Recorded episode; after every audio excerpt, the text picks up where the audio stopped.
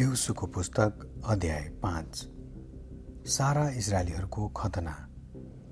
एर्दनवारी पश्चिमतिरका एमोरीहरूका सबै राजाहरूले र समुद्रको नजिकका कनानीहरूका सबै राजाहरूले इजरायलीहरूका निम्ति तिनीहरू पार नतरुन्जेल परमप्रभुले एर्दन नदीको पानी सुकाउनु भयो भन्ने कुरा जब सुने तब इजरायलीहरूको डरले गर्दा उनीहरूको हृदय काँप्न थाल्यो। र उनीहरूमा इजरायलीहरूको सामना गर्ने साहस रहेन। त्यसबेला परमप्रभुले यहुसुलाई भन्नुभयो पत्थरका कर्दहरू बनाएर फेरि दोस्रो पल्ट इजरायलीहरूलाई खतना गर।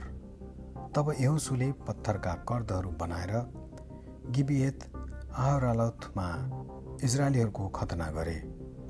यहुसुले खतना गराउनु परेको कारण यही थियो कि जतिजना मानिसहरू अर्थात् योद्धाहरू मिश्र देशबाट आएका थिए। तिनीहरू सबै मिश्रबाट निस्केर पछि उजाड स्थानको यात्रामा मरिसकेका थिए। मिश्र देशबाट जति निस्केर आएका थिए ती सबैको खतना भइसकेको थियो।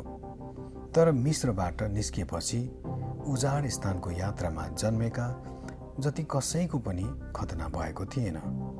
इजरायलीहरूले परमप्रभुका आज्ञा नमानेका हुनाले मिश्र देशबाट निस्केर आएका सारा मानिसहरू अर्थात् योद्धाहरू नष्ट नभएसम्म तिनीहरू उजाड स्थानमा चालिस वर्ष हिँडी नै रहन्थे। किनभने तिनीहरूका पिता पुर्खाहरूलाई दुध र मह बग्ने देश दिनेछु भनी प्रतिज्ञा गर्नुभएको देश म तिनीहरूलाई देख्न दिन्न भनेर परमप्रभुले प्रण गर्नुभएको थियो। यसकारण तिनीहरूको स्थानमा उहाँले फेरि उत्पन्न गराउनु भएको सन्तान यौसुले खतना गराए। किनकि तिनीहरू यात्रामा खतना नपाएका हुनाले बेखतनाका थिए।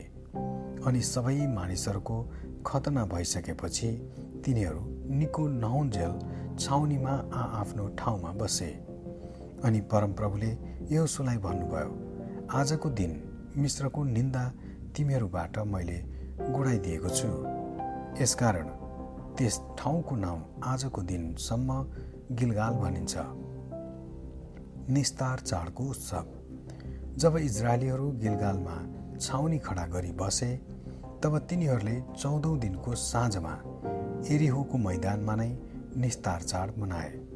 निस्तार चाडको भोलिपल्ट त्यही दिन तिनीहरूले त्यस देशको उब्जनीबाट अखमिरी रोटी र भुटेको अन्न खाए। तिनीहरूले त्यस देशको उब्जनीको अन्न खाएको भोलिपल्टदेखि नै मन्न थामियो र त्यसपछि इजरायलीहरूलाई मन्न कहिले पनि मिलेन। तर त्यस साल तिनीहरूले कनान देशको अन्न खाए। यहोसु एरिहोको नजिक हुँदा तिनले आफ्ना आँखा उठाएर हेरे र आफ्नो सामुन्य हातमा नाङ्गो तलवार लिएका एकजना मानिस उभिरहेका थिए। यहोसु उनी कहाँ गएर तपाईँ हामीपट्टि हुनुहुन्छ कि हाम्रा शत्रु हुनुहुन्छ भनेर सोधे। अनि उनले भने होइन तर परमप्रभुको फौजको कप्तान भएर म यहाँ आएको छु। तब यौसुले जमिनमा घोप्टो परेर दण्डवत गरे र उनलाई भने मेरा प्रभु आफ्नो दासलाई के भन्नुहुन्छ? अनि परमप्रभुका फौजका कप्तानले यौसुलाई भने तेरा खुट्टाबाट जुत्ता फुकाल।